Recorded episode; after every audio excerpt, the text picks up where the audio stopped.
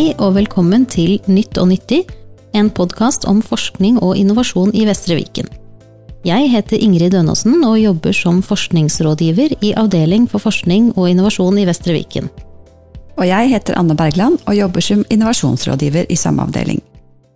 I dag skal vi snakke med Jørgen Ibsen om hans doktorgradprosjekt, som handler om slagbehandling og fjernstyrt sete. Eh, Jørgen er geriater og seksjonsoverlege på medisinsk avdeling på Ringerike sykehus. Eh, Noe som er veldig spennende med dette prosjektet, er at dette er både et forskningsprosjekt og et innovasjonsprosjekt med svært høy eh, innovasjonsgrad. Velkommen, Jørgen. Dette gleder vi oss til å høre mer om. Tusen takk. Takk for at jeg får lov å være med. Kan du begynne med å fortelle litt om hva prosjektet går ut på, og hva som var bakgrunnen for at dere satte i gang dette prosjektet? Eh, ja. Jeg er jo eh, utdannet geriater, men har alltid hatt en eh, spesiell interesse for akutt slagbehandling. Og behandlingen av akutt hjerneslag eh, gikk inn i et slags sånn paradigmeskifte tidlig på 2000-tallet. Da fikk vi endelig muligheter for å akutt løse opp blodpropper i hjernens blodsirkulasjon, med mulighet for å redde mye hjernevev og forbedre funksjonen og utkommet til pasienten vesentlig. Eh, det som jo er utfordringen, er at eh, ca. ni av ti hjerneslag er forårsaket av en akutt blodpropp, mens én av ti er forårsaket av hjerneblødning. Og det er helt umulig å si ut ifra pasientens sykehistorie eller vitale målinger hvem som har såkalt hjerneinfarkt på bakgrunn av blodpropp, og, og hvem som har hjerneblødning. Ok, og hva betyr det? Det betyr at vi fortsatt en dag i dag må ha minst en CT-skanning av hjernen til pasienten for å skille mellom de to tilstandene. Og vi har på en måte misunt kardiologene, eller hjertelegene, lenge. De har hatt sitt EKG, som kan plukke ut pasienter med brystsmerter prehospitalt, eh, stille diagnosen akutt hjerteinfarkt og kunne starte behandlingen ute i, i Distrikts-Norge, der hvor det er lang, lange reiseavstander. Vi har manglet den, den muligheten. CT-skannerne har stort sett, eller er, plassert på sykehus og det har medført uh, veldig lange reiseavstander. Og en CT-skanner er uh... Ja, CT står for computertomografi, altså en, en avansert trommelrøntgen som viser bløtdeler mye bedre enn vanlig skjelettrøntgen, da. Ja. Og så skulle dere da starte dette forskningsprosjektet som også er et innovasjonsprosjekt. Ja, og det, det vi over tid så, var at vi eh, på Ringerike sykehus klarte å gi denne type trombolysebehandling til ca. 20% av våre pasienter med akutt hjerneinfarkt, Dvs. det vil si at vi lå sånn ca. på, på landsgjennomsnittet. Eh, så så vi at Hallingdal, som utgjør nesten halvparten av vårt nedslagsfelt når det gjelder pasienter, de lå på, på 10-12 Naturlig nok, for så vidt, men det var fortvilende å se pasienter komme med ambulansebil til Ringerike sykehus eh, mange timer etter sitt slagtidspunkt, mm. fordi transporten har, eh, har, tatt så lang tid. Og da ble det kjøpt inn denne CT-maskinen eh, for å hjelpe de? Ja, det var eh, egentlig en, en, anonym giver som eh, ville gi et tilskudd til Hallingdal sjukestue, nettopp for å kjøpe inn en CT-maskin. Og, og ønsket var veldig tidlig på at vi måtte kunne tilby akutt slagbehandling i, i Hallingdal. Og den ble installert i løpet av våren 2016, og og, og åpnet offisielt av helseministeren i slutten av juni samme året. Ja, og i den første delen av doktorgraden din så undersøkte du først hva som var status quo. Um, kan du si litt om hva du fant om det? Ja, vi, som, som nevnt så hadde vi en anelse om at pasienter fra f.eks. Hallingdal eller andre deler av Distrikts-Norge. Um, vi vet jo de har lengre reisevei, og vi hadde en anelse om at de oftere kommer for sent for trombolysbehandling. Der er nemlig tidsvindu fire og en halv time for å starte behandling. Og vi vet jo også at de som får sen eller ikke trombolysbehandling i det hele tatt, de får et dårligere utkomme. Mm. Så vi eh, brukte Norsk hjerneslagregister med, med pasienter fra 2017 og 2018 Eh, totalt eh, nesten 15 000 pasienter med akutt hjerneinfarkt, eh, og så så vi på deres reiseavstand til sykehus, tidsforløpet, og om de fikk trombolysebehandling eller ikke. Og vi så dessuten på hvordan det, hvordan det gikk med de ved en oppfølging etter tre måneder. Og da, hva fant dere i den undersøkelsen? Kan du si noe om det? Ja, foreløpig er dette upubliserte data, men eh, vi fant, ikke overraskende, en, en klar sammenheng. Det var et, et jevnt fall i trombolyseandel i forhold til økende avstand til sykehus. Ikke sant. Og vi eh, klassifiserte pasientene som eh, urbane og rurale i henhold til reiseavstand, og mulighet for å nå trombolysebehandling tidlig. Eh, og i vår, våre grupperinger så var, var, det ganske enorme forskjeller på, på, sannsynligheten for å få trombolysebehandling og et, et godt utkomme av eh, hjerneslaget. Ikke sant. Det er jo ikke det man ønsker seg i Norge, hvor det er store avstander, så vil vi at det skal være likeverdig behandling. Det har vært et klart mål fra både regjeringen og Helsedirektoratet sin side over, over mange år. Det har det. Jeg er litt opptatt av den CT-maskinen. Um, hva var den opprinnelige planen med CT-maskinen på sjukestue på Ål, og hvordan fungerte det i praksis? Ja, på det tidspunktet CT-maskinen ble, ble, installert, så hadde Aall en fast radiograf som betjente en, en enkel skjelettrøntgenlab. Uh, hun kunne selvfølgelig også betjene CT-maskinen, men da naturlig nok kun på dagtid og kun hverdager. Skal man etablere en, en døgnbemanning for en CT-maskin, så må man jo minst ha ja, gjerne seks-åttedelt vaktordninger, og så mange radiografer fantes ikke i, i Øvre Hallingdal mm. på det tidspunkt. Nei, og hva, hva, gjorde dere med det? Hvordan løste dere den biten? Vi, vi opplevde det de første årene litt fortvilelse for at pasienter som kom mellom klokken åtte og fire mandag til fredag, kunne få god behandling, mens de som kom utenom kontortid, måtte den lange transporten ned til Ringerike. Man kan jo ikke akkurat uh, time slaget sitt? Nei, det kan man ikke. Vi uh, var i tenkeboksen lenge, tenkte ut forskjellige alternativer. Vi vet jo at uh, Norsk Luftambulanse har sin base på Ål. Eh, luftambulanselegen tenkte vi som en, en kompetanse inn på setet, men vi vet at de er veldig mye ute, ute på oppdrag, så det la vi fort eh, bort. Eh, Hallingdal har et legevaktsamarbeid med en sentral på Ål, men der også var det litt blandet interesse fra legevaktsgruppen om å bli involvert i et sånt CT-prosjekt. Så det vi kom opp med, var at eh, med litt hjelp av produsenten av CT-maskinen, så kunne vi installere et enkelt software som gjorde at maskinen lot seg fjernstyre fra Ringerike sykehus. Ja.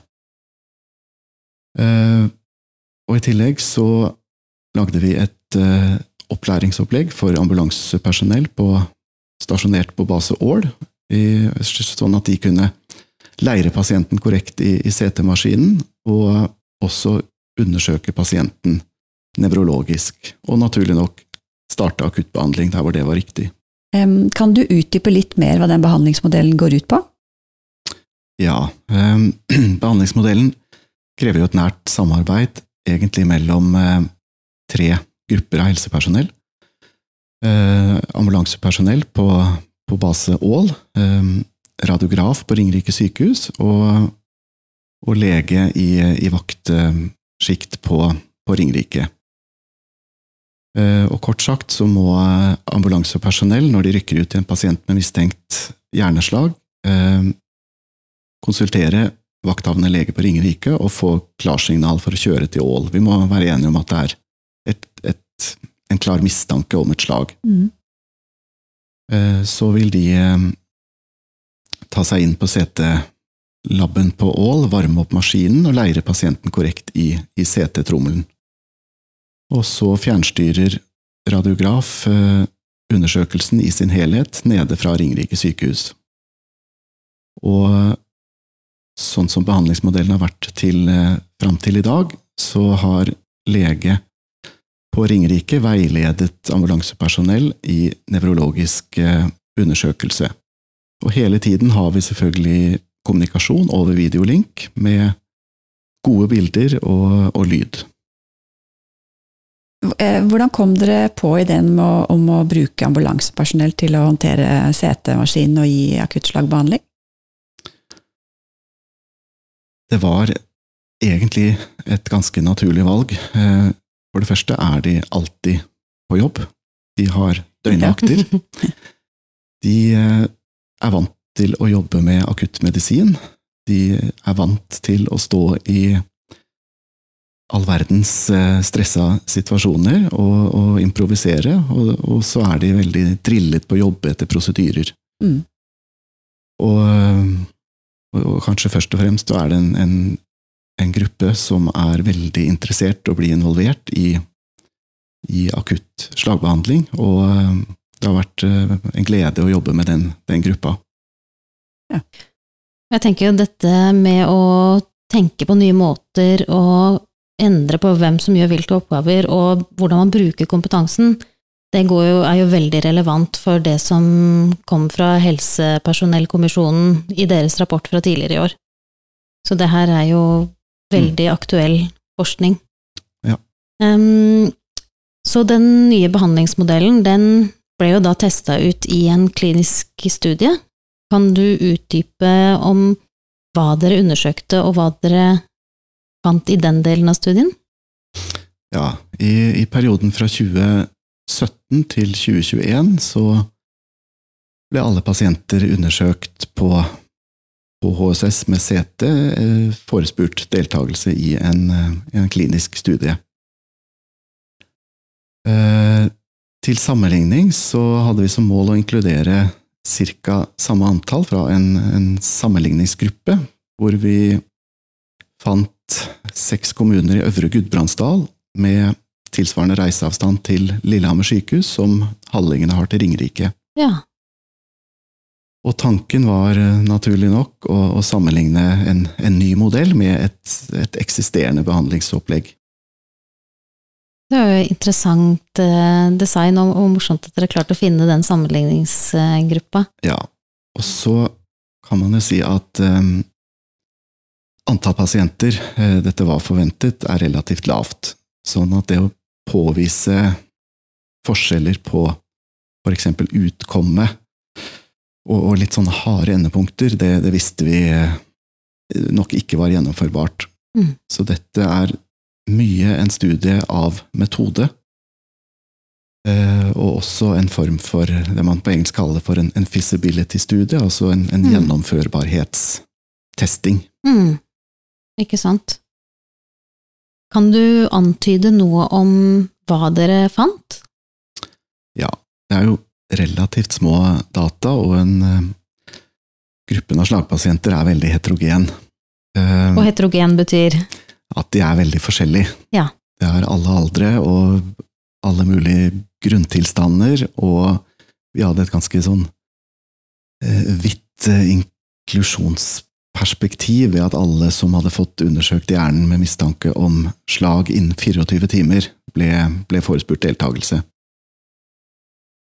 Men, eh, men det vi helt tydelig ser, er at eh, tiden fra pasienten slår alarm til avklaring sånn diagnostisk med CT, den var vesentlig lavere i Hallingdalsgruppen, sammenlignet med pasientene fra Øvre Gudbrandsdal. Ikke sant? Og tilsvarende var andelen som fikk trombolysebehandling, klart høyere hos, hos hallingene. Og Så dere noen andre effekter?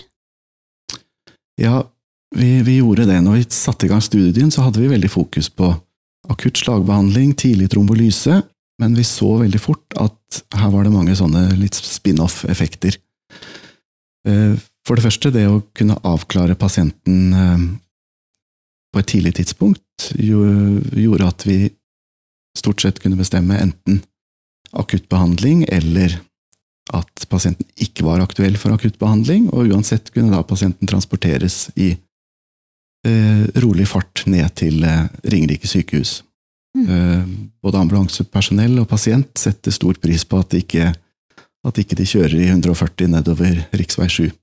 Ja, ikke sant. Det er sånn som man ikke nødvendigvis tenker på når man ikke jobber med dette. Og I tillegg så, så vi at vi kunne avklare ganske mange pasienter eh, lokalt. Det vi jo vet, både i Norge og internasjonalt, er at av alle pasienter som bringes til eh, et akuttsykehus på mistanke om slag, så er det kanskje bare halvparten som reelt har et slag. Ja. Og det å avsløre de pasientene som ikke har slag, men som kanskje har hatt et migreneanfall, har krystallsyke, infeksjon under oppseiling, og faktisk kunne behandle de lokalt, det har vært eh, veldig nyttig. Mm. Spennende. Så ser vi i tillegg at enkelte pasienter har kanskje store hjerneblødninger, massive hjerneinfarkt, og, og man eh, beslutter tidlig lindrende behandling. Og ved å avklare de eh, lokalt, så kan de få god pleie nær familien i, i nærområdet sitt. På et sykehjem eller inne på sjukestugu. Ja, så dette er egentlig effekter som har ganske mye å si for uh, pasientene. Mm. Mm. Det er veldig mye spennende dere har uh, funnet. Um, hvordan jobber dere videre med den kunnskapen dere har fått i prosjektet? jo, for det første så løser denne modellen med bruk av ambulansepersonell og fjernstyrt CT løser utfordringer i hverdagen. På sjukestugu så er det av og til bemanningsproblemer på radiografsiden, eh, og senest nå i formiddag så hadde vi en akutt slagalarm uten radiograf på jobb, og da bruker vi ambulansemodellen mm. for å kunne, kunne, gi pasienten god behandling. Mm. Um, I tillegg um, jobber jo vi med Vi har hatt et samarbeid med Statens kartverk i å kartlegge Distrikts-Norge, og uh, forsøker å antyde hvor uh, og hvor mange tilsvarende stasjoner vi kunne utplassere i Norge for å hjelpe flest mulig pasienter. Ja. Det var jo et veldig spennende samarbeid. Det er ikke sånn man nødvendigvis tenker er naturlig i en helsesetting. Nei, eh, Statens kartverk har gjort litt av den samme jobben for eh, brannvesenet, blant annet. Så vi trakk de tidlig inn for å, for å hjelpe oss med geodata, som det heter. Ja. Mm. Så eh, har vi jo i tillegg hatt studiebesøk fra sykehuset i Nord-Norge, både fra Hammerfest og Tromsø, fordi at i Alta har de en avansert sykestue hvor de kjører eh, CT-diagnostikk på akutte slagpasienter etter eh, tilsvarende modell som oss, med noen, modifikasjoner. Og, det samme gjelder faktisk Finnsnes eh, i Troms, hvor eh, Universitetssykehuset i Tromsø fjernstyrer CT-en på Finnsnes eh, et, etter modell fra oss. Ja, så her har Ringerike gått foran. Ja, og, og, og, litt eksotisk har også vært en, en interesse fra faktisk en nevrolog i Canada, i British Columbia, som hadde hørt om prosjektet og var nysgjerrig og lurte på hvordan vi, hvordan vi drev, drev, dette. Det er veldig, veldig, interessant, for det er jo som jeg sa i begynnelsen av eh, episoden, at dette er et prosjekt med en veldig høy innovasjonsgrad. Um, og det er ganske unikt i verdenssammenheng, så vidt vi vet. Mm. Mm. Kan du si noe om eh, hva du tenker har vært det, det viktigste med, med, det prosjektet her? Det, det, viktigste er at vi mener vi har kommet fram til en eh, modell som holder god kvalitet for å gi slagpasienter i Norge, et, eh, eller i Distrikts-Norge først og fremst, et, et bedre behandlingstilbud. Mm.